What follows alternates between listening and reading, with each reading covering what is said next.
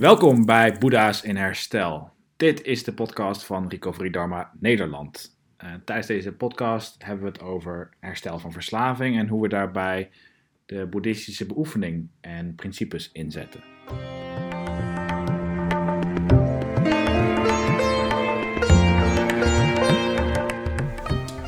Welkom bij de zevende aflevering alweer van Boeddha's in Herstel. Mijn naam is Nick en uh, ik zit hier met Rogier en met Etske. Hallo. Hallo. Hallo. Ja, een tijdje, een tijdje uh, er niet geweest, maar we zijn weer terug. Zeker. Druk geweest met allerlei dingen. Herstellen Ja, en zo. Heel veel mediteren. super veel mediteren. Super veel mediteren. Diep inzicht. Ja, diep in zich gekregen, ja. ja. Ja, dat is ook waar we het vandaag een beetje over willen hebben. Over eh, zuiver begrip, over het achtvoudige pad. Hebben de voorgaande afleveringen hebben we eh, het gehad over de vier nobele waarheden.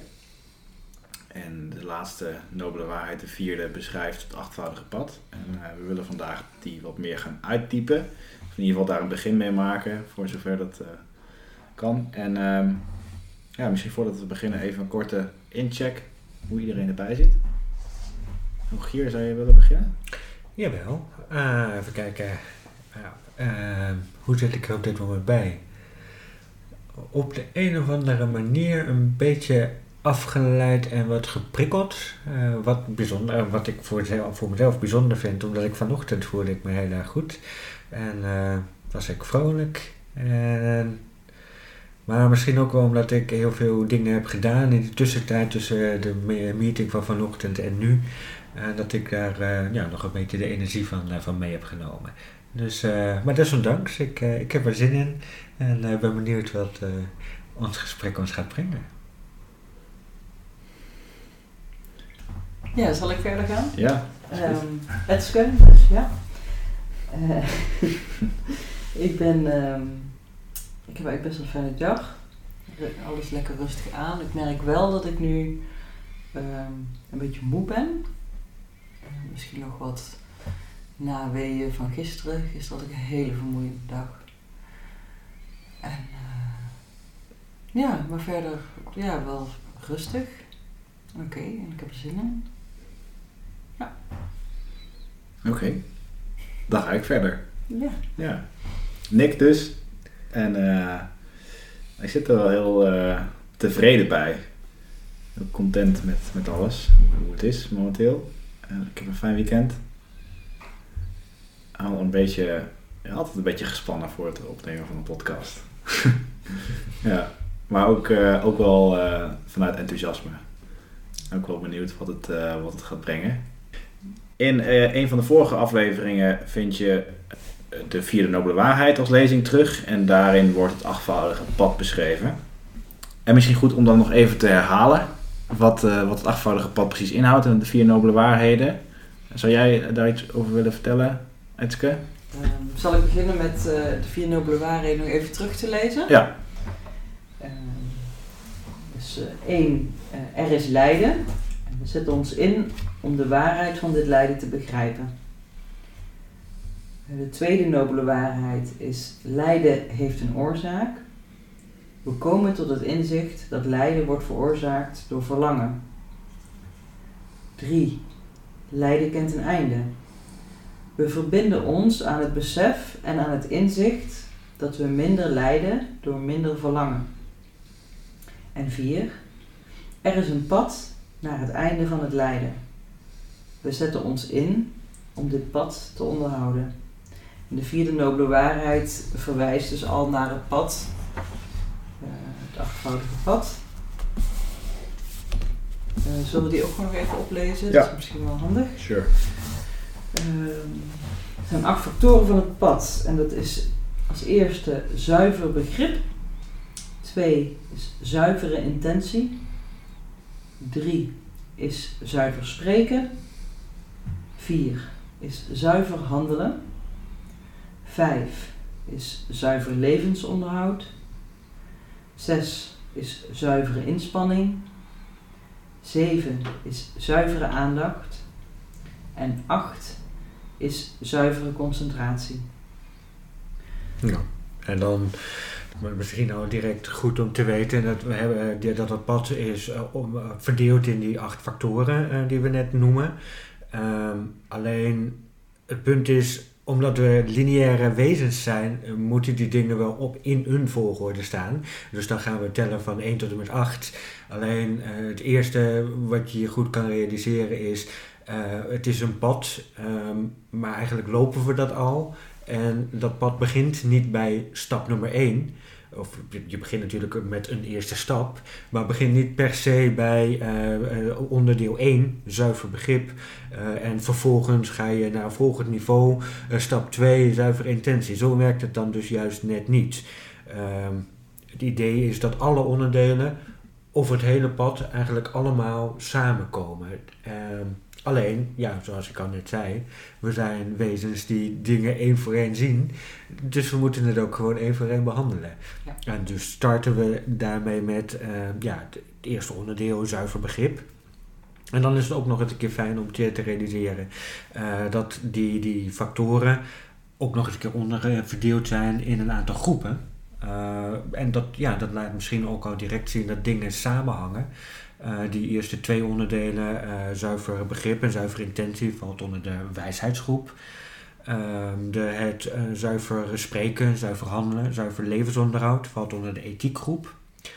En de zuivere inspanning, zuivere aandacht en zuivere concentratie valt onder de concentratiegroep. Ehm, wat ik zelf wel al ontzettend leuk vind, is dat je ehm, al die onderdelen eh, zijn op elkaar van toepassing. Op het moment dat je het hebt over zuiver begrip, dan kun je daar al achter zetten eh, dat, dat je zuiver begrip misschien kunt benaderen vanuit de zuivere intentie, vanuit het zuiver spreken, wat wij feitelijk al doen als we bezig zijn met deze podcast. Proberen zo, eh, zo helder en zo duidelijk mogelijk te zijn. Eh, dat, dat je dat zuiver begrip probeert om te zetten in handelen, in je levensonderhoud. En dat je vervolgens eh, probeert de concentratiegroep toe te passen op zuiver begrip. Dus wat is je inspanning om tot dat zuivere begrip te komen? Hè, ik bedoel, op een gegeven moment ben je ook gemoe, moet je ook gewoon slapen. Eh, zuivere aandacht en zuivere concentratie. En op elk onderdeel zijn dus al die onderdelen van toepassing. Mm. Ik vind dat leuk om, eh, om daar direct heel even op in te haken. Ja. Zeker. Ja, Ja. het doet mij ook heel erg denken op, zoals ik, ehm, ik besef me altijd heel goed, eh, al die acht, ehm, eh, die, die, die acht factoren, die, ehm, ja, je bestaat eigenlijk daaruit. Je doet dat al. Het, de uitdaging is om dat zuiver te maken. Misschien is het ook wel goed om erover te hebben wat dat zuiver dan inhoudt. Mhm. Want eigenlijk is het, eh, het leven is gewoon, je wandelt op dat pad en je bent al bezig met begrip en je hebt intentie en je spreekt en je handelt en er is levensonderhoud en er is inspanning en aandacht en concentratie. Alleen, hoe maak je dat zuiver? Ik denk dat dat een heel belangrijk onderdeel is. Dat is een goede vraag. Ja. Ja, Want het klinkt best wel eh, heftig soms. ja, Zeker als je net de eerste keer bij een bijeenkomst komt, dan, dan wordt er gezegd, ja, je moet vanaf nu eh, eh, het allemaal zuiver weten te begrijpen, een zuivere intentie hebben, eh, zuiver spreken. Kan het ook zijn dat je dat, dat een beetje beangstigt of zo. Ja. Ik vind het wel mooi dat je zegt van dan wordt het gezegd. Nee, dat wordt niet gezegd, maar je hoort het zo als je daar als eerste zit. Ja, ja precies. Ja. Zo komt het dan heel erg Ja. over. Ja. Ja. Dat had ik ook wel de eerste keer toen ik over deze begrip. Het voelt heel groots op mij. Ja. ja, er zijn verschillende vertalingen. Hè? En eh, eh, in het Nederlands, in het Nederlands eh, wordt er ook vaak gesproken van juist. Juist begrip, of juist spreken, of juist handelen. Mhm. Eh, en in het Engels is er volgens mij ook nog wise. Ja. Hm. ja, dus dan Eh, kan het misschien zelfs nog een stapje hoger zijn. Het moet ook nog eens een keer niet alleen zuiver, maar het moet ook, ook wijs zijn. Hè? Ja. Je moet echt wel eh, met je verstand eh, Ja. Helder hebben om... eh, Ja, Ik, ik, vind, ik vind zuiver eigenlijk een hele mooie vertaling. Want als je het hebt over juist, dan begint, krijg ik al gelijk weer goed en fout. ja, Ehm, en, en zuiver, ehm, dat is iets waar je, ja, wat je gewoon moet, moet leren, moet ontdekken. En waar je gewoon je best voor kan doen. ja, Maar dat, dat kan groeien. Ja, Juist klinkt zo van het is of goed of fout, maar Ja. er zit bijna niks tussen. nee. Nee, dat, dat doet ook een beetje denken aan, aan andere religies wellicht. Ja, Eh, ik weet nog wel dat we hier eh, toen met het vertalen echt een tijdje bij stil hebben gestaan. Van wat gaan we daarmee doen? We Ja. hadden eerst wijs volgens mij en juist hebben we ook nog een tijdje Ja. gebruikt. Maar toen kwamen we ook tot de conclusie van... Ja, juist zou eh, aangeven dat, dat er ook een niet juist is of zo. En dan wordt het meteen zo'n iets wat je moet behalen. Of eh, Mhm. dat je Ja. heel erg krampachtig zeg maar het juiste moet doen. ja. En ik denk ook wel dat, eh, dat zuiver of juist of whatever in deze zin ook. Het is geen absolute eh, zuiverheid of geen absolute juistheid. Het gaat zeg maar om. Dat bij, kan bij iedereen verschillend zijn. Het juiste begrip of het juiste intentie of het juiste het zuiver spreken. En laat ook wel dat, dat, dat, dat wat ik er zelf uithaal is dat het ook ehm, dat we voordat we eigenlijk beginnen en voordat we bezig gaan met, eh, met deze ideeën en concepten, dat dingen vaak vertroebeld zijn. En dat dingen inderdaad, en weet je, als het hebben over dat glas water met, eh, met allerlei modder eh, en, en alles loopt door elkaar. Eh, en dat we op het moment dat we bezig gaan met ehm, ja, de vierde nobele waarheid, of als er, er is een pad naar het einde van het lijden, er is een pad naar het feit dat we dat glas met water stil kunnen krijgen en dat we kunnen zien wat nou eigenlijk dat water allemaal behelst. Ehm, dat is voor mij die zuiverheid. De, de, de tegenhanger als tegenhanger voor de vertroebeling waar we vaak in verkeren. En Waar we vaak eh, ons, eh, ons leven. Want precies wat je zei, hè, we beginnen, we, we lopen dat pad al. En we zijn wel bezig met, eh, met, zuiver, met, handelen. We zijn al bezig met handelen. We zijn al bezig met onze intenties. Ehm, maar al die dingen lopen door elkaar. En vaak hebben we geen idee wat we eigenlijk aan het doen zijn. We zijn er wel mee bezig, maar we hebben geen idee. Nee, En dat is voor mij, als we het hebben over zuiver, ten opzichte van vertroebeling. Ja. Ik vind het ook wel mooi dat je dat eh, metafoor van dat glas eh, met, met, ehm, met vervuild zeg maar, water. Ehm, moet ik gelijk denken, als je water gaat filteren, dan gooi je het niet gelijk door een hele fijne filter heen. Maar doe je het eerst een grove filter en haal je de grove dingen eruit. En daarna filter je het nog een keer en dan nog een keer.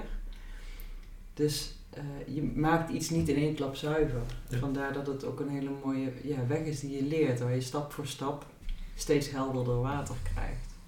Dus dat vind ik dan... Ja, Moest je ja. denken? zeker. Ja. Ja, ja, ja, mooi. Ja. Eh, in de voorgaande aflevering vind je de eh, tekst uit het Recovery Dharma boek. Die eh, eh, ook te vinden is op onze website. eh, als pdf te downloaden, maar ook als paperback eh, te bestellen. Ehm, en dat is het eerste, ja, ik weet niet of je het kan zeggen, een spaak van het wiel. In het Engels zeggen ze spoke from the wheel. Mhm. De spaken van de wiel. Spaak van het wiel, hè? Ja, dat kun je zeggen. Ja. En eh, dat vind je trouwens ook terug in het logo, het afgehouden pad. Ja. Dus mocht je Zeker. denken Dat is dat logo eigenlijk. Maar het afgehouden pad is daarin terug te vinden, net als de vier nobele waarheden. Eh, en vandaag was het eh, de intentie om het te hebben over het eerste, de eerste spaak, zuiver begrip. Ja. Ja. Ja. Eh, willen jullie, willen even jullie misschien iets delen over wat, wat jullie verstaan onder zuiver begrip, wat er opkomt als je die term hoort? Wat dan?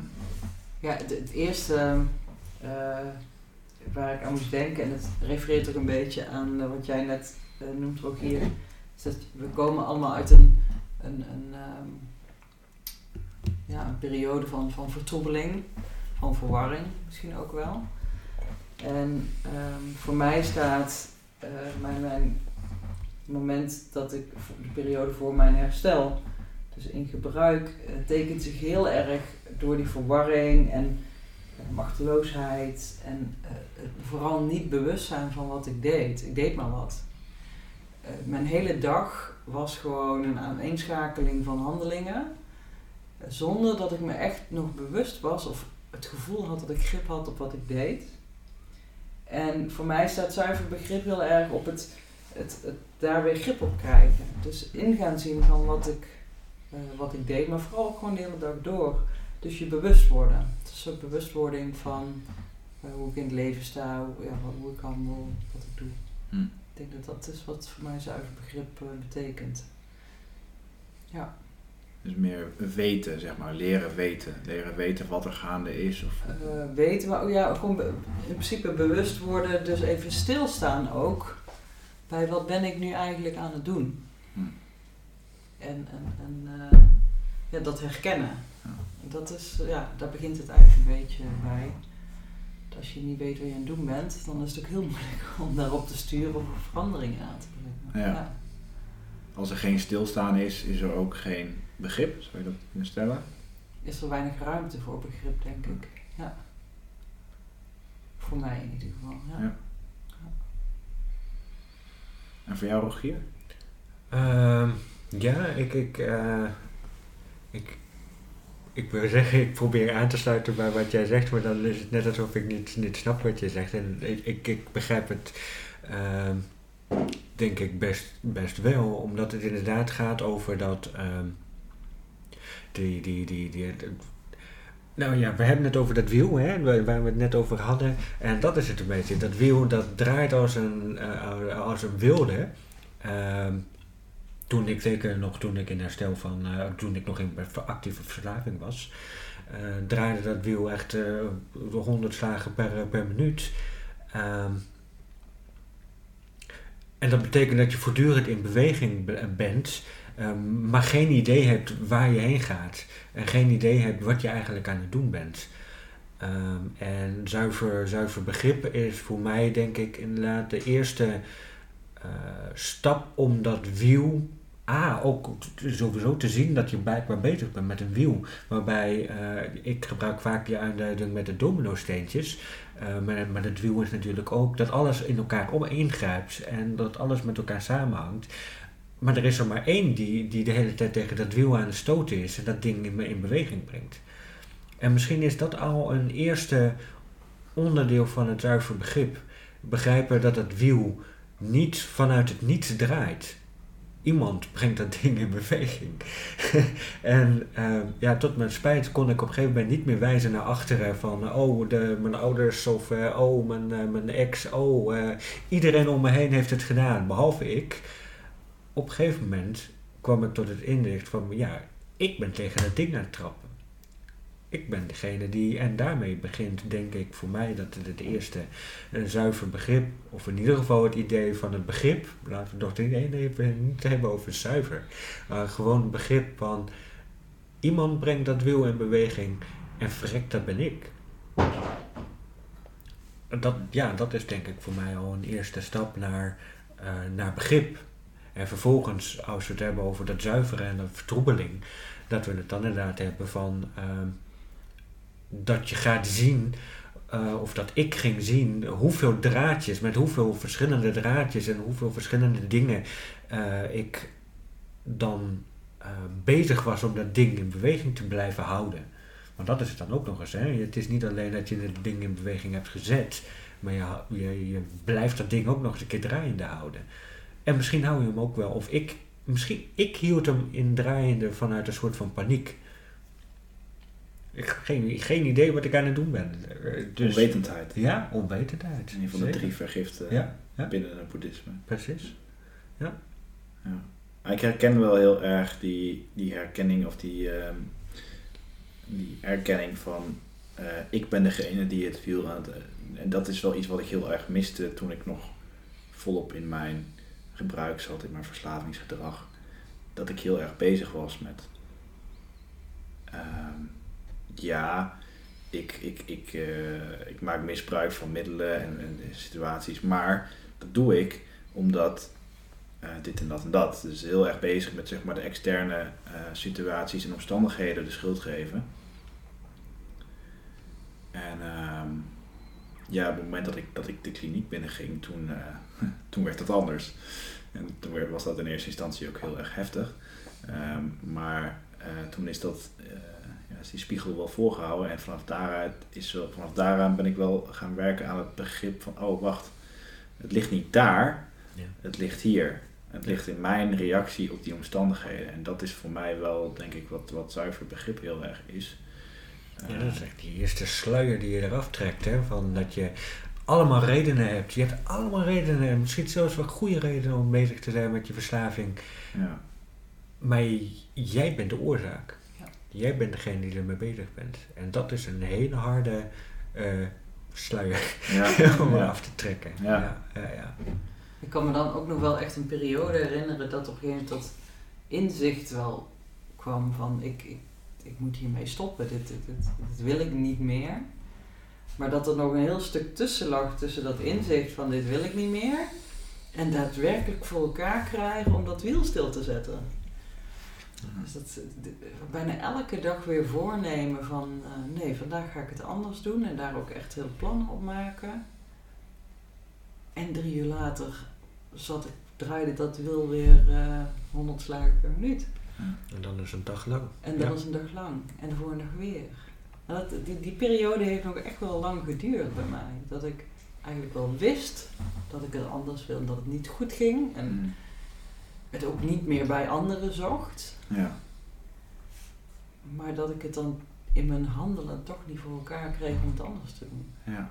En ik denk dat die periode mijn meest verwarrende en machteloze periode was. Ja. Dat was, ja. Ja, wel intellectueel weten wat er gaande is, maar het niet zeg maar eh, eh, eh, kunnen belichamen of zo, die, die verandering. Of daar niet de, de, de macht in voelen of de kracht. Echt, als je dan even teruggaat naar een ander eh, pad van herstel, dat ze hebben over de twaalf stappen, is dat natuurlijk stap 1. Echt machteloos. Herkennen dat je machteloos bent. Ja. Dat je machteloos bent, ja. Ja. Ja, ik denk, en een, een onderscheid zou, wat voor mij, want ik, eh, mijn versie ook van het 12 stappen programma.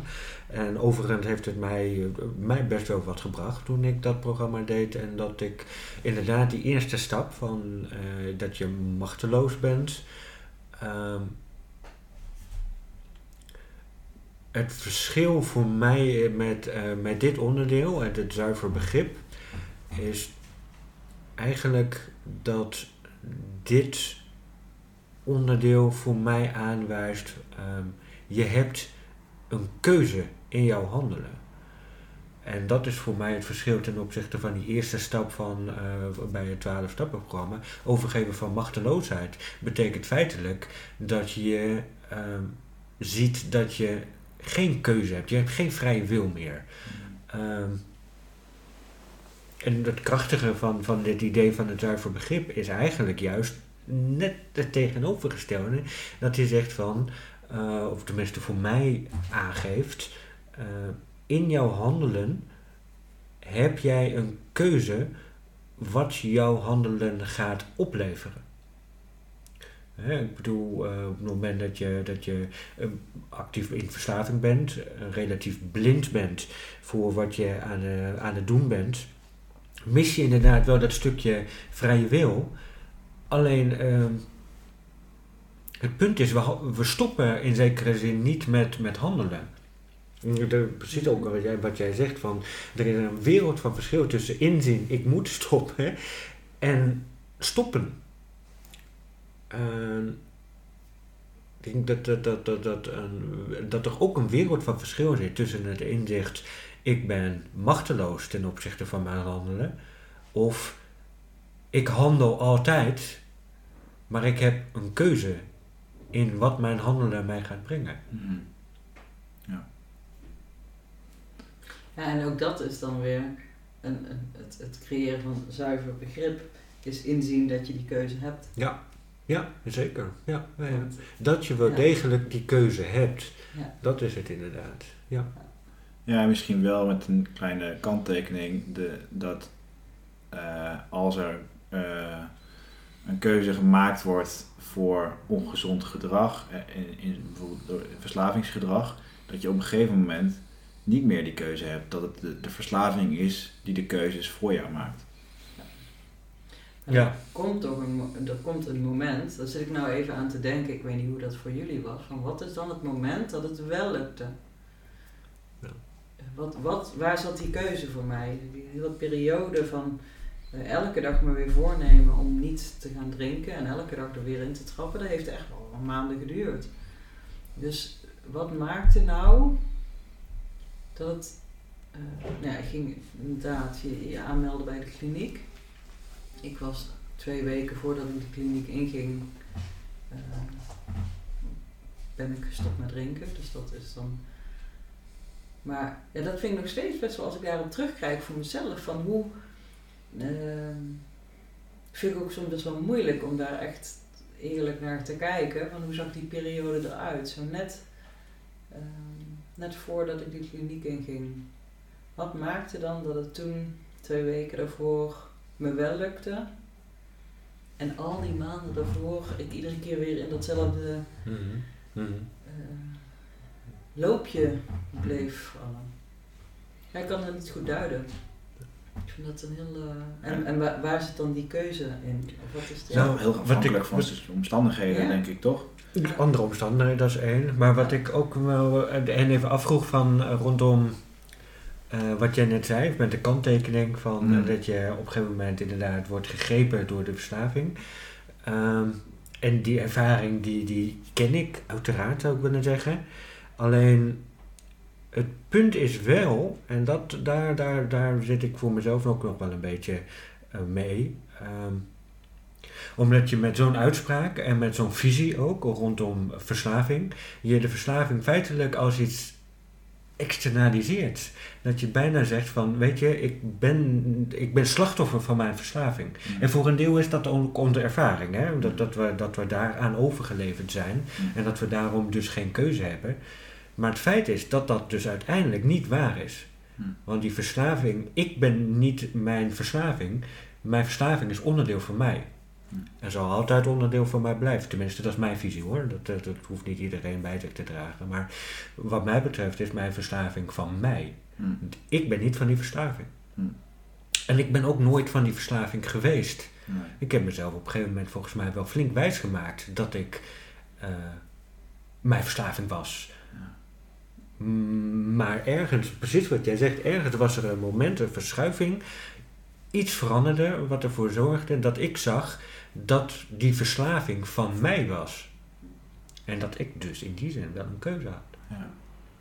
Ook al was ik eh, met ook nog een flinke periode niet in staat om over die keuze heen te komen. Ja. Ik had hem wel. Ik kon hem bijna zien. Ja, ja. Maar je hebt wel echt een duidelijke, ehm, hoe noem je dat? Eh, je, je, had, je hebt het over, ik ben niet de verslaving. Maar ik had die verslaving of ik heb die verslaving. Ja. Daar zit ook een heel groot verschil in, zeg maar, in de mate waarop je je identificeert, zeg Mhm. maar. Als je, als je heel erg gelooft van ik ben die verslaving, Mhm. dan geloof ik ook dat je daar eh, meer naar gaat handelen. Eh, als je zegt ik heb een verslaving, dan, dan distancieer je je als het ware ook een beetje van die verslaving. Ja.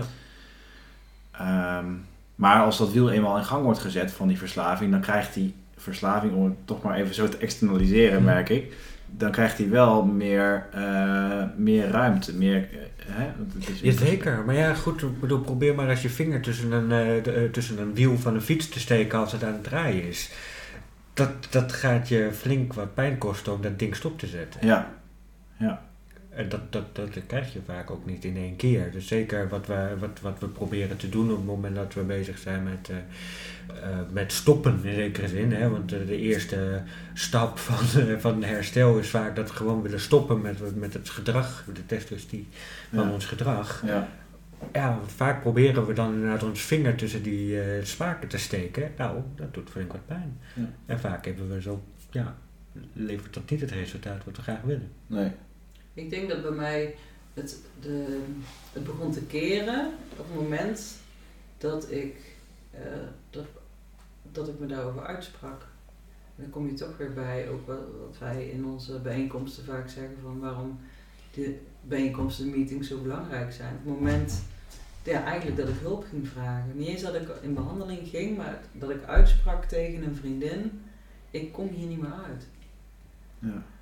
Dat is denk ik, als ik er nu over nadenk, eigenlijk het, het eerste eh, kantelpunt. Want dat punt moet je ook komen. Ja. En ik denk ook dat dat tijd nodig heeft en, en veel pijn Ja, om zeg maar daar te en- komen. ja. En schaamte en... eh, Ja. Want dat doe je niet na een paar keer... eh, doorgehaald te zijn, Nee. zeg maar. Of, of welke... Nee, en soms, ik denk dat het voor andere mensen ook wel eens anders dat iemand naar je toe kan komen. Dat is bij mij trouwens ook wel gebeurd van gaat het wel goed met je? ja, Of god, hoe eh, zou je nou wel zoveel drinken? ja, Al meer dan één keer gezegd. ja. Eh, maar op het moment dat ik zelf ging zeggen van nee, dit, dit is niet goed meer voor me. Dat is denk ik waar het, ja. En dan vind ik ook wel mooi jouw, eh Rogier, jouw metafoor met je vinger en dat wiel. Ja, in je eentje lukt dat niet. Dat doet te veel pijn. Nou, dat lukt uiteindelijk misschien wel, maar dat doet te veel pijn. En samen met iemand is dat dan toch een stuk makkelijker. Zeker, ja. ja. En wat dat betreft denk ik ook wel dat het... eh, naar welke meeting je ook gaat, of dat ik over het DAMA of een AA-programma, of dat, eh, het idee dat je deelt van jouw ervaringen met mensen die jouw ervaringen ook hebben gehad, dat dat ook eh, een onderdeel is van, van dat herstelproces. Omdat je vaak toch op het moment dat mensen die, ja, ik wil niet zeggen niet snappen, maar die niet de ervaring hebben van wat het is om in de verslaving te zijn en daarmee te worstelen, is het heel lastig om te zeggen van ehm, dit is waar ik mee worstel op dit moment. Wat dat, betreft denk ik, hoe dan ook, op het moment dat je bezig bent met herstel, probeer naar mensen te gaan die jouw ervaring delen. Eh, want op het moment dat je daar niet, dan, dan loop je het risico dat je in eenzelfde valkuil van, van, ja, al was het het idee dat je in de ogen van iemand afwijzing ziet, dat je onbegrip ziet, dat zijn, dat zijn dingen waar je, dat je niet kan gebruiken. Nee, Nee. nee, dat is geen fijne start. Nee, ja, precies. Nee. Dat is, eh, ja. En daarom denk ik dat het zuiver begrip ook wel echt ontwikkeld wordt tijdens bijeenkomsten. Ja, zeker. Eh, onder andere door je uit te spreken, maar ook door te luisteren naar andere mensen. Om Ja. Ja. te zien wat er bij andere mensen gebeurt en tegelijkertijd hoe dat in relatie staat tot jouw eigen ervaring. Dus Zeker. herkenning ervaren. En Ja. ja, ja Ja. dan leer je je eigen processen en, en leer je gewoon beter kennen. Precies. En dan is het opnieuw van belang om je te realiseren dat zuiver begrip geen stap 1 is. Nee. Want dan, dan, dan, dan ga je naar meetings en denk je, wanneer heb ik eigenlijk deze stap afgerond? Ja, eh, dat gebeurt tijdens alle, alle meetings die je, die je bezoekt. ja. Ja, dat wordt ook steeds, ehm, steeds helderder of steeds gedetailleerder. Dat, dat begrip over, als ik dan even naar mezelf kijk en hoe ik naar mijn, de patronen van mijn verslaving. En, ehm, eh, ja, een beetje als je kijkt naar het filteren, eerst filter je met een grof, ehm, een grove zeef en dan blijf je al, dan zie ik bijvoorbeeld, zag ik heel erg, oh ja, ik, eh, de hoeveelheid van mijn gebruik, dat is, dat is eh, niet goed of de, de regelmaat, dat zijn hele grote, duidelijke dingen. Nu, drie jaar verder, eh, zie ik veel meer eh, wat eraan vooraf gaat. Dus eh, wat roept zucht op? En wat voor staat ben ik dan? Welke emoties horen daarbij? Hoe kan ik dat in mijn lichaam voelen? Dat is al veel fijner en veel gedetailleerder dan toen ik net in herstel was. En die moet je ook leren kennen, hè? Je Dat, leren, kost gewoon ja. tijd. Ja, ik denk, ja, je komt er pas bij als je bij die, eerst bij die grote stukken begint. Ja. Anders, ja. Dat staat er wel heel erg in, in relatie tot zuiver aandacht, zeg maar. Eh, want dat, dat, dat, dat kom je ook niet zomaar te weten. Nee. Dat, en dat, dat is misschien ook wel begrip, eh, het woord begrip überhaupt al dan. eh, dat zegt dat je iets, iets weet of iets, iets begrijpt. Maar dat is ook, er gaat ook een vraag aan vooraf. Zo van ja, maar wat is er dan? Ja. Ehm, Blijkbaar is er iets. blijkbaar is er dat iets, is ja. het al. Ja. Dat, Ja. ja. Ja. Het woord onderzoek komt heel erg bij mij naar boven. Zo Ja. Er moet onderzocht worden van, oké, wat, wat, eh, welke gedachten heb ik bijvoorbeeld en eh, waardoor heb ik deze gedachten en hoe komt dat? En zijn deze gedachten waar überhaupt? Mhm. Identificeer ik me hiermee? En dat soort vragen, door die denk ik eh, aan jezelf te blijven stellen, kom je ook dieper tot begrip. Zeker. Ik ben, eh, vanaf het begin van mijn herstel ben ik, eh, probeer ik structureel dingen op te schrijven. Het liefst dagelijks, lukt niet altijd. Maar ook altijd maar twee of drie pagina's. Gewoon, eh, ja, wat ervaar ik nu vandaag, wat voel ik heel erg in het nu. En nu als ik daar dan teruglees, zie ik die ontwikkeling ook heel goed. mijn intentie is nooit geweest om het allemaal terug te lezen. Maar nu, ja, zeker als ik zo die eerste paar maanden van mijn herstel nu teruglees, dan geeft me dat alweer zoveel inzicht in waar ik nu ben. Ja. Ja, dat is wel heel bijzonder, ja. Zeker. Ja, ik heb het ook in, in het dagelijks leven dat. eh, het is heel erg afhankelijk van hoe mijn dag er een beetje uitziet. Maar als ik, als ik dagen heb waarop ik niet zoveel te doen heb eh, en eh, ik lig veel op de bank, dan is mijn staat van, van zijn heel erg anders dan als ik zeg maar eh, veel buiten ben of eh, met veel mensen in contact ben, zeg maar. En dan zijn de kwaliteit van gedachten ook van hele andere aard. Dus dan worden ze veel meer ehm, vertroebeld door, eh, door aversie bijvoorbeeld of door onwetendheid. En dan zijn mijn gedachten ook van hele andere aard. En om dat te leren zien, ja, dat, dat is meditatie wel echt een heel nuttig hulpmiddel bij. Want ja, ik heb regelmatig, voordat ik bij Recovery Dharma terechtkom, vanuit die bank, diezelfde bank, zeg maar, beslissingen gemaakt die eh, ongezonde resultaten hadden. En Ja. nu weet ik van, oh ja, dit is omdat ik nu de hele dag al hier op de bank zit. Dit is niet per se waarheid. Ja, precies. Ja, wij hebben vaak de ervaring op het moment dat we bezig zijn met, eh, met het begin van ons herstel, dat we dan aanvragen van waar komen die cravings vandaan? We denken van oh, ze komen vanuit het niets. Ja, En juist meditatie, en dat zal zeker in het eerste begin niet zo direct lukken, maar hoe vaker je erbij stilstaat en hoe vaker je dat onderzoek inderdaad doet, hoe meer je beseft van het heeft een oorzaak. Ik heb de hele dag op de bank gelegen. En vandaar dat ik ontevreden word. En op het moment dat ik ontevreden word, begin ik die craving te voelen. Eh, dus in die zin heeft inderdaad dat, dat onderzoeken en ehm, wat je zegt van zuiver begrip, dat begint ook met het grijpen, het begrijpen van, van wat er aan de hand is. En ja, je kunt pas iets begrijpen op het moment dat je ernaar gaat kijken. Ja, want anders dan, dan, dan, dan, grijp- ja, dan, dan grijp je ergens in de lucht. En dan, eh, dus op het moment, je ziet pas wat er aan de hand is op het moment dat je begint te kijken. Mm. En meditatie is wat dat betreft een uitstekende oefening om te beginnen met kijken. Maar dat is niet leren kijken in de zin van analyseren of het willen oplossen van dingen. Nee, En daar Nee. zit vaak voor mij in ieder geval nog wel een, eh, een uitdaging, omdat vaak als ik me niet zo lekker voel, dan heb ik gezegd, maar, maar waarom, is, waarom, waarom is dit nou? En dat maakt ik de neiging om het heel persoonlijk te maken. Mhm. Van, oh, waar, waar heb ik dit aan verdiend? Of eh, ja, hoe kan ik zorgen dat het beter wordt? dat is een valkuil. Dat Zeker. is een valkuil. Ja, ja, ja, dat is een, maar goed, dat is ook dat is überhaupt een valkuil bij meditatie in het algemeen volgens mij. Dat we denken van, oh, we gaan zitten en dan gaan we iets bereiken. Ja, Dan gaan we, dan gaan we die rust creëren in ons hoofd. Ja. En dat soort dingen. Eh, ik, ja, precies wat je zegt. Eh er naar kijken is iets anders dan analyseren. En wat jij nou net omschrijft, dat is met die intentie mediteren, dat heeft natuurlijk heel veel te maken met de intentie waarin we ook gebruikten. Iets willen oplossen, iets willen wegmaken. om elders te komen. doel, elders komen, het hogere doel te bereiken. En met mediteren leer je nou net precies dat niet te doen. Alleen dat is natuurlijk een pad waar we heel lang anders bewandeld hebben. Ja.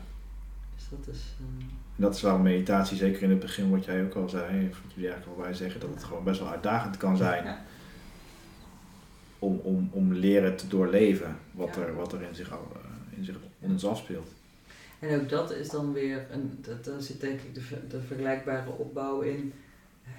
Eerste keer dat ik eh, in herstel ging, ging mediteren, was het gewoon al een hele uitdaging om gewoon überhaupt een beetje stil proberen te zitten. Laat staan dat ik ehm, mentaal stil kon zitten. Gewoon fysiek stilzitten was al een, ja, een uitdaging op zich. Dat was mijn eerste, dat heeft heel lang mijn eerste uitdaging geweest. Dus ja, dat, dat, dat kost ook gewoon tijd. En, eh, en, en dan beseffen dus dat dat, dat dat ook niet erg is. Prima. Hm. Ja.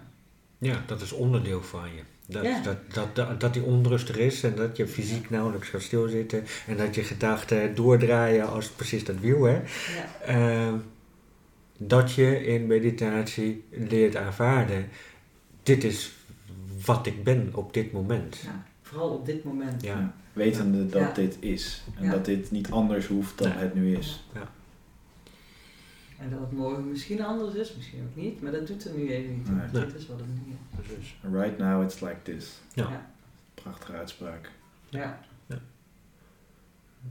En, Ik weet en nog dat Bart van. Melik volgens mij toen een keer bij ons eh, op Ja, ja. bezoek was. En Mhm. die Ja. gebruikte toen eh, ook een hele mooie uitspraak. Eh, ik hoop natuurlijk wel dat ik het goed zeg. Eh, keep calmly knowing change. Keep going and change. Ja, dus kalm verandering blijven kennen. Zeg maar, constant wetende van oké, nu is het zo, nu is het zo. En dat met, en dan ook nog eens een keer de uitdaging is dat je dat met aandacht eh, blijft erkennen en blijft zien. En dat je dat met compassie durft te zien en durft te erkennen. Want ja, op een gegeven moment, eh, als, je, als je niet oppast, loop je in de valstrik van onverschilligheid. Van, Hm. it's gonna change anyway. Ja. Eh, en, dat, ja, en dat is precies mm, opnieuw niet wat we willen. Het, het is juist dat we met aandacht en eh, ja, zoals ik zelf al zei, met compassie blijven bij die verandering. En blijven, ja, en ook omdat het soms iets langer duurt dan je graag zou willen. Ja. En dan is die compassie weer van belang. Ja. Ja. Ja, want het, het is niet zo dat het zeg maar een eh, hele passieve daad is. Zo van, Nee. nou, ik zit hier in een brandend huis en eh it's fine. ja, precies. Everything's fine. Everything's fine, ja. En, en ja, het vraagt zeg maar zuiver begrip ook gewoon om, om zuiver handelen. Ja. En eh, eh, eh, om vanuit, je, vanuit compassie en, en vriendelijkheid naar, naar jezelf te kijken. Dan heb je direct weer alles grijpt op elkaar in. hè? Ja. Ja. ja, ja, ja. zeker, ja. Is er een alinea in het hoofdstuk dat, dat voor jullie, eh, in het hoofdstuk Recovery Dharma, eh, in het zuiver begrip, dat dat voor jullie resoneerde? Is er iets wat jullie... Zeker. Ja, eigenlijk resoneerde van alles. ik had, ehm, nou ja, ik had iets, iets, er was iets raakt mij in het hoofdstuk heel erg.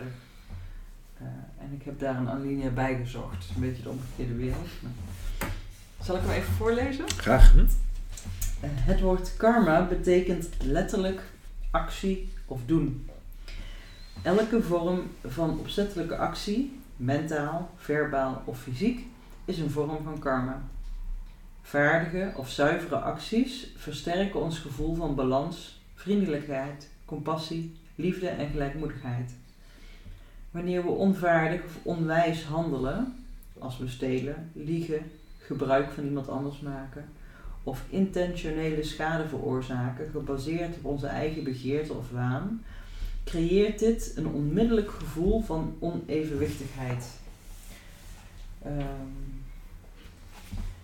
ja, wat ik, waarom ik deze heb uitgekozen, ehm, als ik kijk naar, eh hebben we het net ook al even over gehad, de periode voor, voor mijn herstel, eh, was mijn leven een soort aaneenschakeling van handelingen waar ik het gevoel had geen, eh, geen macht of geen grip op te hebben. Dus die machteloosheid. Eh, ik deed heel veel dingen ondoordacht. En met het gevolg dat het, ehm, dingen ook uitzichtloos werden. En dan is niet alleen mijn verslaving, ik heb heel veel last van depressies gehad. Eh, doordat ik niet bewust was of geen begrip had van mijn eigen handelen, mijn eigen doen, mijn eigen staat, ontstond ook het beeld dat het nooit meer zou eindigen. En ehm, in mijn herstel heb ik geleerd wat gezonde, ehm, gezonde handelingen, gezonde dingen voor mij zijn. Eh, met compassie naar mezelf kijken, maar ook structuur, hele basale, basale dingen. En dan daardoor heb ik steeds meer vertrouwen in dat eh, dingen niet uitzichtloos zijn. En daar moet ik heel erg aan denken. Op het moment eh, dat dat zuiver begrip kwam, kwam ook ehm, het inzicht dat ik zelf verandering kan aanbrengen aan hoe ik me voel. Dus als ik nu een slechte dag heb, dan eh, voel ik me nog steeds heel rot. Maar ik vertrouw er al op dat dat eindig is als ik weet van dan als ik gewoon mijn, mijn eigen rituelen doe, als ik eh, mijn structuur hou, als ik goed eet. Zo van die basisdingen van ik weet als ik goed voor mezelf zorg, dan gaat dat wel weer over. Hm. Dat is niet oneindig. Dat is niet, eh, ik hoef niet altijd te lijden. Ehm, ja, dat, het heeft ook met zelfvertrouwen te maken. Hm. En dat, ja, dat is wat, waarom ik die had uitgekozen. Ja. Ja. Wetende wat helpend is, wat, wat Ja. een houvast is in dagen van eh, tumult, van, van onrust. Ja. Ja. En dan op het moment ehm, ja, dat ik daar inzicht in kreeg, dat dat ehm, het gevoel van grip er weer was, mocht het er ook zijn. Moment dat je weet dat iets eindig is, of dat je er zelf verandering in kan brengen, eh, hoef je dan niet meer zo tegen te vechten. Dan mag ik me best, ja, soms heb je gewoon rotdagen. En dan, eh, als ik dan maar gewoon bij mijn eigen structuur hou en ik eet goed, ja, dan kan ik daar ook gewoon een beetje in berusten en dan is het zo. En morgen is er weer een dag. Hm. Ja, dat, dat is heel helpend, denk ik. Ja. Ja. Ja, Pema Goedroen die zegt dat, eh, oh, en zegt precies jouw ervaring van eh, dat we vaak denken dat we dingen moeten oplossen, maar ervaringen lossen van zichzelf op. Ze komen op en ze vallen uite- uiteindelijk ook gewoon weer uit elkaar. En dat is in die zin precies wat jij, eh, wat jij zegt. En Ja. ik, ja, ik, ik herken dat inderdaad wel. Dat, dat, ehm, ja, dat je denkt dat dingen. Ja, ro- rotheid is oneindig. Eh, ook omdat je niet verder dan dat kan zien. En dus dan moet het weg. Want ja, ik bedoel, dan is het onverdraaglijk. Eh, de verdraaglijkheid ontstaat er eh, in het inzicht, in het zuivere begrip, dat die ervaringen eh, sowieso zichzelf hebben opgebouwd. En hoogstwaarschijnlijk dat jij zelf ook handelingen hebt verricht. Maar op het moment dat je daarmee stopt en gewoon verdraagt wat er is, dan vallen die dingen uiteindelijk al uit elkaar. Al was het omdat de, de zon op den duur gewoon weer ondergaat. Hm. En uiteindelijk is het nacht en er komt weer een volgende dag. Ja. Eh, dus eh, ja, heel herkenbaar. Ja. Ja. Ja. En het is ook niet meer dan dat. Hè. Dat is denk ik ook het hele eh, stuk van het zuivere begrip. Dat je helder leert zien naar hoe het is. En dat is ook met inzichtmeditatie wordt daar natuurlijk ook heel veel op, aandacht op gericht. Dat je helder leert zien naar wat is zonder de verhalen die we er eh, bij bedenken. Zeg maar. Zonder Precies. de gehele verhalen als er een keer een slechte dag is. Zo van, oh nou zie je wel. Of ik ben, ik ben een loser en eh, ik heb dit niet goed gedaan, dat niet goed gedaan. Daarom heb ik nu een slechte dag. Mhm. Maar gewoon dus- leren zien van, oh, dit zijn de omstandigheden die hiervoor hebben gezorgd. Ja. Ja. En dat is wat het is en niet meer dan dat. Ik vind het ook heel mooi wat je zegt op het moment dat ehm, het inzicht er is dat iets niet eh, eindeloos is, maar dat het eindigt, wordt het draaglijk. Ja. Ja. En dan heb je ruimte, dan kun je er iets mee. Precies. Begrip van vergankelijkheid. Ja, Dan kun je andere keuzes maken. ja precies. Ja, Ja, ja. Ja, en precies. Dan, dan kun je inderdaad er ook voor kiezen om erin te blijven hangen. Hè? Van, oh, het is een rotdag en oh, ik, dan ga ik maar op de bank blijven hangen. Of dat je zegt van, oké, het is een rotdag. Klopt, ja, dat is het op dit moment. Maar dat is geen reden om niet gewoon goed voor mezelf te zorgen. Om te blijven eten. Om inderdaad op de tijden waarop ik rust nodig heb, rust te, eh, rust te nemen. Dat, ja, en dat, dat, is een, dat is een keuze. Ja. En als je daar dan weer in oefent, want dat is wat ik op het moment wel eens doe, is dat ik mezelf ook tijd gun om juist wel weer even te zwelgen in dat zelfmedelijden. Dat mag ook. Ja, tuurlijk. zet Ja, ik een wekkertje. Ja. Al is wat ik daar dan ook. Ik kon er eerst in vervallen, zeker een periode in gebruik, dat ik helemaal complete ellende en dan eindigde dat in een soort paniekaanval. En in herstel was ik daar bang voor. Het moment eh, wat jij net ook omschreef, als je dan zo op de bank hebt gelegen, dan, wordt, ja, dan komen er nare gedachten, ging dat ook weer weg. Maar van hé, ik moet goed voor mezelf zorgen. En dan gaat dat de andere kant op. Mhm. En nu is het af en toe ook zo'n experiment van oké, het is nu 1 uur 's middags, ik voel me rot. Tot twee uur mag ik even lekker zwelgen in mijn eigen ellende en dan ga ik weer wat doen. Ja. Maar ook dat is dan dus een keuze. Ja. Precies, ja, ja, ja. ja, ja. Maar dat begint al bij weten, zeg maar. Ja. Dat je weet van, oh ja, nu, nu eh, Ja. wil ik dit. En Precies, en dan wordt het, ja, dan wordt het echt, eh, ja, dat is die zuiverheid denk Ja. ik voor mij. Ja. Precies. En ook weten dat het consequenties gaat hebben, zeg maar. Als ik naar mezelf kijk, hoe ik dan inderdaad wel eens zwelg in dat zelfmedelijden. Dat heeft vaak met eten te maken. Uh, dan heeft dat ook consequenties lichamelijk, zeg maar. En dat uh, kunnen ook weer allerlei gedachten met zich oproepen, maar dan ook weer weten van, oh ja, nou dit zijn de consequenties van mijn onzuivere handel op dat ja. moment. En dan weet ik hoe dat voelt en dan weet ik ook dat ik dat eigenlijk niet wil. En dat helpt me dan weer om de volgende keer ook weer nog een andere keuze te maken. Ja. ja. Niet zo van ik heb gefaald, maar meer ik heb zo gehandeld. Ja. Klaar. Ja. Precies, geen verhaal ervan maken. Nou. Nee, ja, ja, ja. Hadden jullie ook een uh, alinea uitgekozen? Ik uh, had uh, één alinea daarvoor gekozen. dus precies wat je zei, omgekeerde volgorde. als mensen die zich bezighouden met de wereld, in plaats van zich ervan terug te trekken, kunnen we een zuiver begrip gebruiken om te leven zonder vaste klampen zonder de gehechtheid of de begeerte. Door oplettend te zijn in onze acties en de gevolgen van onze acties in acht te nemen, kunnen we beginnen te veranderen waar onze keuzes ons toe leiden. Als we van plan zijn om op manieren te handelen die positieve gevolgen hebben, en als we ons bewust zijn van de echte intentie en de aard van onze acties, zullen we betere resultaten zien. Beter betekent hier minder lijden en minder schade. Uh, ja, dat is. Ik, uh, toen ik deze alinea las, uh, op de andere tijd geleden, uh, ik, moet er, ik, moest er heel erg aan denken, en eh, ik gooi er even een begrip door, dat uh, we zijn geen giants. We, zijn, we, we, hangen niet het Jainisme aan, we, hangen het, of we laten ons inspireren door het boeddhisme. En, maar, en ik ga inderdaad... Okay. Ik dan... ik denk al, wat, wat is dit? Nee.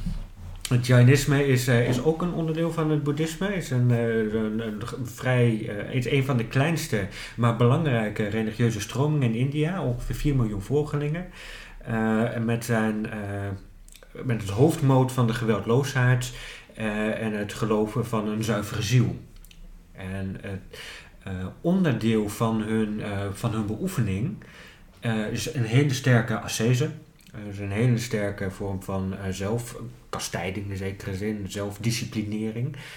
Uh, en het idee van de geweldloosheid is dat ze eigenlijk ook ervoor willen kiezen om op een gegeven moment te gaan zitten en te mediteren en geen stap meer te verzetten. Want op het moment dat ze een stap verzetten, dan is er een vrij grote kans dat er een of ander klein krekeltje rondloopt en dan, en dan ben je tegen het strijd geweld, tegen de geweldloosheid. Um, het feit is dat zij zich dus, um, en ik chargeer trouwens, hè, want de, deze religie, uh, zoals ik hem nu uh, beschrijf, bestaat niet. maar het Jainisme bestaat wel trouwens. Maar het feit is dat zij ervoor kiezen om zich dus terug te trekken uit de wereld. Om dat wiel van karma, het wiel van, van schade die je berokkent, om dat volledig tot stilstand te brengen het idee van ons en het idee van mensen die in, uh, hun verslaving beëindigen en stoppen uh, en bezig gaan met herstel, is uiteindelijk niet dat je terugtrekt uit de wereld. Want toen ik stopte met, met mijn verslaving, wilde ik het allerliefste dat de wereld zou ophouden met bestaan, want dan zijn er ook geen prikkels waar ik mee hoef om te gaan. Dan hoef ik geen keuzes te maken. Dan kan ik gewoon lekker stilzitten. En, en, en niks meer doen in de wereld. Um, vandaar dat die eerste zin zo voor mij van belang is. Als mensen die zich bezighouden met de wereld, in plaats van zich ervan terug te trekken, kunnen we dat zuiver begrip gaan gebruiken om te leven zonder vast te gaan klampen. Uh, volgens mij heb ik ooit eens een keer bij Instagram een uh, tekst gedeeld van Ramdas. Uh, waarvan de kern eigenlijk is van uh, het idee is dat we uh, zoveel mogelijk betrokken raken bij de wereld zonder onderdeel van die wereld te worden. En zonder daarin vast te gaan, vastgezogen te worden. Mm. En ehm, niet meer na te denken en geen aandacht meer te hebben.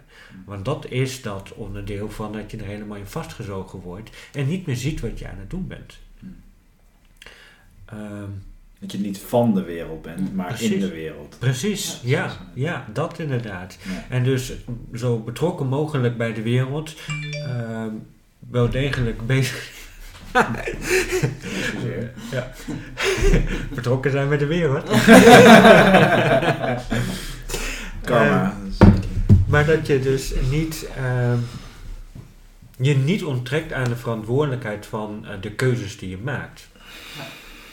Ehm, Ja, ik moet gelijk denken van, inderdaad, hoe ehm, kun je eh, leren niet te hechten als je ervoor zorgt dat er niks in je omgeving is om je aan te hechten? precies.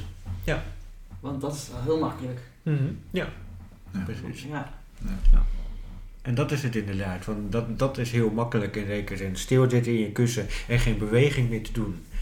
Overigens, ook dat heeft gevolgen. Hè? Want het gevolg van, van, eh, van de volgelingen van het Jainisme is dat op het moment dat zij stilzitten en eh, niks meer gaan doen, dan is er geen andere oplossing dan dat ze uiteindelijk sterven. Ze moeten gevoed worden. ja. Dus door hun stilzitten moeten er andere mensen komen die hen dingen willen geven, die hen willen voeden, al dat soort dingen. En daarmee nodigen ze dus nog steeds mensen uit die eh, geweld uitoefenen op de wereld. In zekere zin, eh, geen letterlijk geweld, maar die doen stappen. En dat krekeltje, dat wordt geheid.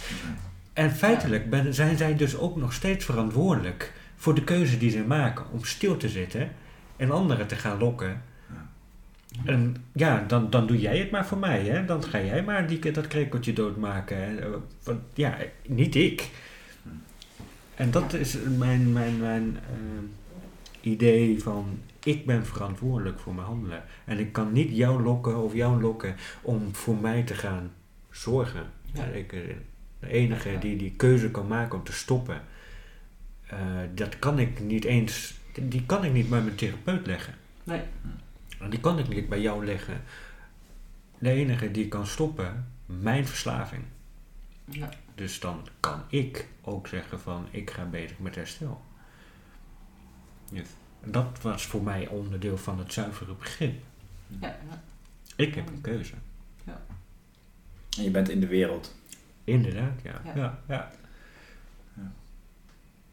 Mooi. Mooi, eh, Ja. ja. ja, mooi omschreven man. Ja. Zeker. En is er voor jou nog iets van een Alinea Eh, overview? nou, het was voor mij eh, de alinea, ik, ik zal hem even voorlezen. Het begrip van karma berust op het inzicht dat wij verantwoordelijk zijn voor ons eigen geluk en lijden. En dat er een oorzaak is voor elke ervaring van geluk of lijden. Vanuit een boeddhistisch oogpunt bepalen onze keuzes, die afhangen van onze huidige mentale, morele, intellectuele en emotionele omstandigheden, de gevolgen van onze acties. Als we vaardig handelen met begrip en compassie, is het mogelijk om positieve en heilzame gevolgen voor onszelf en voor anderen te veroorzaken. Als we met een onvaardige intentie handelen, veroorzaken we ons eigen lijden. Ja, en dan voornamelijk die eerste zin, het begrip van karma berust op het inzicht dat wij verantwoordelijk zijn voor ons eigen geluk en lijden. Dat er een oorzaak is voor elke ervaring van geluk of lijden. Ehm, en vooral dat wij verantwoordelijk zijn. En dat, eh, dat is iets waar, waar we het tijdens het begin van de podcast ook al over hebben gehad. Ehm, dat, ja, en, dat staat ook wel in andere alinea's, dat, eh, dat het niet gaat over de omstandigheden buiten onszelf, maar onze reactie daarop. Onze reactie op die omstandigheden. En dat wij daar verantwoordelijk voor zijn. En dat is best wel een, eh, ja, een pittige of zo. Omdat het, eh, het vraagt nogal wat om zeg maar eh, eh, vaardig te handelen. Zeker als er heel vaak dat pad bewandeld is in je brein van het niet vaardig handelen op externe omstandigheden. Ehm, maar ik vind het ergens ook heel erg mooi omdat het juist heel erg. het biedt ook ja, hoe zeg je dat, eh, kracht of vertrouwen, wetende dat, dat ik dat kan, zeg maar. Die boodschap geeft heel erg veel vertrouwen, wetende dat ik alleen eh, verantwoordelijk ben voor mijn eigen geluk of lijden. Dus dat niemand anders daar eh, ja, invloed op heeft eigenlijk. En tuurlijk zijn er dingen die gebeuren die mij blij maken, die andere mensen doen. Ehm, en zijn er mensen die dingen doen die mij, die mij pijn doen. Ehm, maar ik ben verantwoordelijk voor hoe ik daarmee omga. En ehm, ja, ik weet niet, dat, die, die realisatie, die, eh, die, biedt, die biedt rust. En heeft heel lang, heb ik heel lang wel tegen gevochten. Maar ik merk wel dat eh, ja, dat, dat, dat me eh, rust biedt en vertrouwen. Ja, een voorbeeld daarvan is, ik heb het volgens mij wel eerder op de podcast genoemd, is dat eh, ik weet nog wel in de voorgaande aflevering, toen heb ik een keer verteld dat ik met een studie zou gaan beginnen. En eh, dat is eh, ja, uiteindelijk niet, niet gelukt. Dat heb ik niet gedaan. En ik, nou ja, dat is me al vaker gebeurd, ook een paar jaar geleden al.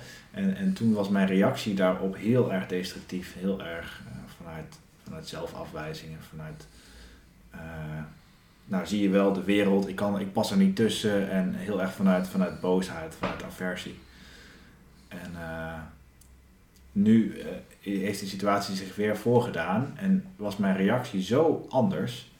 Was mijn reactie meer vanuit, ah, dit, is, dit is daarom en daarom. En het is niet meer dan dat. Het, ik, ik maak het niet meer persoonlijk. En dat, eh, dat is natuurlijk niet van de een op de andere dag gekomen, die reactie daarop. Dat heeft heel veel eh, wegen en zijpaadjes en, en, en begrip en, en veel meditaties waarin ik me eh, irriteerde aan van alles en nog wat. Heeft dat, heeft, heeft me wel tot dat punt gebracht, zeg maar. En dat, ja. Dus het is, het is, het is ja, een uitdagende zin waarin in eerste instantie zoiets hebt van oké, nou, eh, ik bepaal zelf mijn reactie, dus kom maar op. Maar het, het, het- er zit veel meer achter. Ja. En eh, er zit heel veel beoefening in en heel veel leren weten. En, en ja, soms is dat eh, in hindsight, is dat achteraf. Ehm, maar ja, nogmaals, het biedt mij veel, veel rust en vertrouwen dat door te blijven beoefenen en ja, door nieuwsgierig te blijven naar ervaringen, dat ik uiteindelijk bepaal hoe ik in de toekomst zal reageren op ervaringen. Ja, en ik moet dan ook wel denken als je ehm, op het moment dat je die, dat andere pad creëert, die andere ervaring gaat opdoen, het dus anders aanpakt, ehm, maakt dat de weg ook weer open voor nog meer positievere ervaringen. Ehm, even in, in jouw voorbeeld van een, een studie die je wil beginnen en als dat dan niet lukt, kun je denken van zie je wel, ik kan helemaal niks. Of je gaat daar op een andere manier mee om. En dan kom je erachter dat er dus ehm, misschien niet die studie, maar er komen wel andere dingen op je pad. Of, of het nou een baan is of een andere studie. Eh, er bewust voor kiezen om dat niet te doen, maakt dat je je wereld ook weer openzet voor een andere mogelijkheid. Ja, En dat is, ja, dat is denk ik ook dat zuiver begrip. Ja. Op het moment dat je dan denkt van zie je wel, dat kan allemaal niet, dan zie je dus ook niet meer wat er nog wel mogelijk is. precies. Ja. Ja. Ja, je opent de wereld voor positieve mogelijkheden. En dat is het inderdaad wel heel mooi. Dat, eh, op het moment dat je precies wat je net, eh, dat kun je in de podcast niet zien, zien, maar de armen voor je hoofd Ja, ja. eh, legt. En dat- dan zie je ook letterlijk niet meer wat, eh, wat er aan de hand is. Dus het enige wat je ziet is in feitelijk gewoon de donkerte. En op het moment dat je je armen uit elkaar legt en je zegt van oké, ik heb die pijl in mijn handen. En ik mag ervoor kiezen om die in mijn duimbeuk te steken. En te zeggen van, oh, de wereld is rot en ik eh, pas er niet tussen. Of dat ik zeg, dit is de pijl, so be it. Ja, en ik laat hem vallen. En ik laat los. hem vallen en ik laat hem los. Dan kun je inderdaad alle andere onmogelijkheden zien die er zijn. En we- weet je, misschien hebben we het nog niet eens over alle mogelijkheden die er zijn. In jouw geval was er, zijn er hele mooie mogelijkheden gekomen. Absoluut. Maar dat hoeft er nog niet eens per se te zijn. nee, het Het punt is dat de wereld open blijft. Ja, en de wetenschap van eh, ik ben nog steeds hier en ik ben nog steeds deze persoon. Precies, Ik, ja, eh, ja. En Nick is niet plotseling van de trap Nee. afgetiefd. Nee. En het, is, het is niet daar, het is niet Nee. hè, ergens anders, elders. En dat was voor mij heel erg de les, zeg maar. Zo van, het geluk ligt niet bij dat, bij dat hele dieper verlangen van ik zal dit moeten zijn en dan ben ik pas oké. Ja. Precies. En dat Ja. is... eh, Ja, wat, het- wat ik het mooie van, van jou, eh, jou, wat je net vertelt, is ook dat het heel erg duidelijk laat zien wat we eh, ergens in de, het zuiver begrip staat ook. Het woord karma betekent letterlijk actie of doen. Vaak draaien we het om. Hè? Wij zeggen eigenlijk vaak eh, slecht karma, eh, dan- heb je, eh, dat zijn slechte gevolgen. hm. Maar waar het over gaat, karma, gaat over welke handelingen jij verricht. En elke handeling heeft hoe dan ook consequenties. En de consequenties zijn vaak ja, afhankelijk van jouw intentie, positief of negatief. Maar het feit is dat we gewoon handelen. En jouw handeling, daar lag jouw keuze voor open wereld of eh, ja, van de trap afduwen. ja. Ja. En, eh, en eh, ja, ja, en die, die is dus heel erg afhankelijk van heel veel voorgaande acties. Ja. En alle acties, alle gezonde acties die, die, die we nu inzetten, die kunnen we op een later tijdstip dan weer, daar weer gebruik van maken. Zeg maar. Ja. Die hebben dan weer invloed. Het ik denk ook niet alleen ehm, op, op een bewuste manier die, die, die kiezen voor de positieve actie, Mhm. maar ehm, het is ook het, het zien, het willen zien wat welke mogelijkheden er zijn en Ja. ehm, wat dat tot, tot gevolg heeft. Dat zeg je heel mooi, want ik eh, want ik kiezen voor de positieve actie. Er is ergens in, er staan vragen onder, eh, onder elk onderdeel. Eh, en een van die vragen is bijvoorbeeld van zijn er delen in je leven waarin je gedreven werd om door te gaan met onprettige ervaringen, omdat je denkt dat dit moest of nodig was. Een van de problemen waarmee ik zit is het grenzen aangeven. Ehm, en dat ik toen in een confrontatie met iemand dacht van, nou is het een goede beslissing om mijn grenzen te gaan geven. En dat ik dan vervolgens merk dat die, die, die goede beslissing waarvan ik dacht, toch uiteindelijk niet helemaal zuiver was. Niet helemaal was wat ik wilde bereiken. Met inderdaad als gevolg dat, dat er inderdaad allerlei consequenties zaten aan het feit dat ik nou met mijn voet eh, in, of de hielen in het zand ging staan en geconfronteerd werd met allerlei omstandigheden die ik ja, niet wilde. Waarmee ik probeer te zeggen is, ehm, zelfs op het moment dat jij denkt van dit is de juiste beslissing, betekent nog niet per se dat dit de zuivere en de meest ja, wijze beslissing kan zijn. En wat dat betreft denk ik dat ik op dat moment misschien wel wat meer aandacht had willen hebben voor ehm, wat is eigenlijk, wat is hier aan de hand? Wat, eh, wat ben ik eigenlijk aan het doen en waarom wil ik doen wat ik doe? Maar is het ook niet zo dat dat ook, eh, dat je zo'n ervaring moet opdoen om tot een nog zuiver begrip Ja, te komen? Zeker, ja, ja, ja, ja, dat, precies. dat ja. nodig. Ja. ja. Ja. Wat dat betreft is het ook inderdaad van. ehm, nergens in dit boek staat stop met handelen. Nee. dat, is het, dat is het niet. En stop met onderzoeken. Nee, ja, Nee, ook want- niet. Nee, ja, ja, ja. En je mag geen fouten maken. Dat ook, die, precies. Die moet je maken. Anders, ja. Dat is ook het mooie toch van, van het pad, dat het eigenlijk niet Ja. stopt en dat Ja. het altijd eh, gaande blijft, dat je precies. ja, Ja. mag blijven onderzoeken. Oké, ik, ik, ik vond toch wel eh, een, een mooi tekstje uit het boek van eh, Walpol, Walpola Rahula, wat de boele, wat de boele onderwees. Mhm. Het gaat ook over, in het begin van de podcast hadden we het al even over dat we zeg maar wel kunnen begrijpen op een intellectueel niveau, maar het, zeg maar, het nog niet kunnen begrijpen of er niet per se naar kunnen handelen. Mhm. Dat even oplezen. Juist begrijpen is het begrijpen van de dingen zoals zij zijn. En het zijn de vier edele waarheden die uitleggen hoe de dingen werkelijk zijn. Het juiste begrijpen is daarom uiteindelijk teruggebracht tot het begrijpen van de vier edele waarheden. Dit begrijpen is de hoogste wijsheid die de uiterste werkelijkheid ziet. Volgens het boeddhisme zijn er twee soorten van begrijpen. Wat we gewoonlijk begrijpen noemen is onze gewone kennis. verzamelde herinneringen, een intellectueel begrijpen van iets in overeenstemming met bepaalde gegevens. Dit wordt kennen in overeenstemming met genoemd. Het gaat niet erg diep. Werkelijk diep begrijpen wordt doordringen genoemd.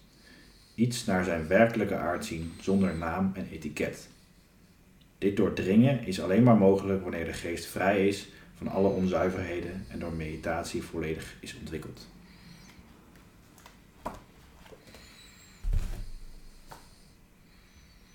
Ja, dat was het. Ja.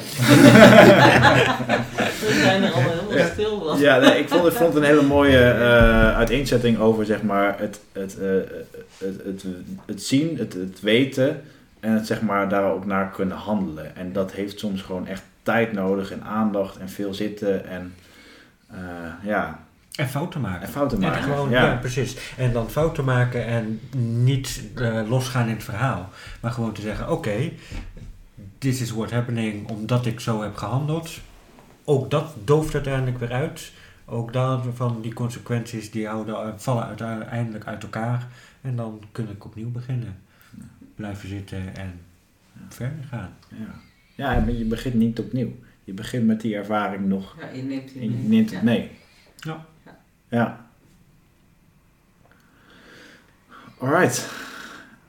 Nou, dank jullie wel. Dus zullen we zullen we hem Ja. afsluiten?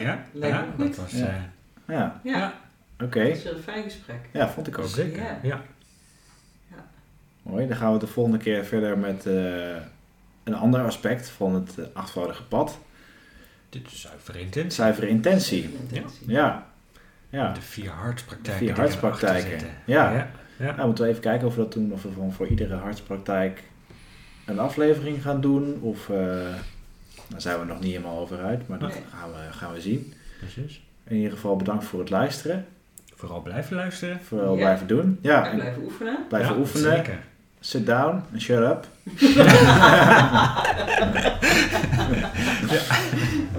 En eh, ja, van harte welkom om een keer aan te sluiten bij onze bijeenkomsten. Zeker. Elke woensdagavond hebben we een online bijeenkomst van half acht tot kwart voor negen. En iedere zondagochtend eh, van eh 10 tot kwart over 11. Ook online. En elke zaterdagochtend van 9 tot half 11, kwart voor 11 ongeveer. Ja. Live in Nijmegen. in Nijmegen. Ja, Ja, zeker. Op de website staat alle informatie. en mocht je meer informatie willen, dan eh, stuur ons gerust een mailtje. info.recoverydharma.nl Mhm. Of we hebben ook een Facebookpagina, Instagram. eh, van alles, hè. Ja, Heel Allerlei wegen, allerlei paden Ja, om ons te bereiken. naar de top van de berg. Precies. Ja. We sluiten, zullen, we- zullen we de bijeenkomst afsluiten met de Ja. wens tot verlichting? helemaal goed. Ja, wil je die voorlezen, Eske? Ja, maar dan moet ik hem even opzoeken. Ja, Die staat hier ergens in. het toch? staat achter in het boek. Wacht, dat is de vraag. De wens tot verlichting. Verbinding ontstaat niet op een specifieke plek, maar in de openheid en warmte van ons wezen. Als deze ruimte gevuld is met wijsheid, respect en liefde, noemen we dit Sangha. We hopen dat de pijn van verslaving, trauma en isolement ons terugleidt tot ons hart, zodat we compassie, wijsheid en verandering nog beter begrijpen. Zoals we geleerd hebben tijdens onze beoefening, wordt onze goedheid niet vervaagd door diep lijden, maar maakt het ons hiervan bewust. Mogen we onze beoefening zo goed mogelijk inzetten en mogen we de vrijheid die eruit voortkomt met alle levende wezens delen. Mogen dit een middel en een voorwaarde zijn voor minder lijden en meer veiligheid in deze wereld.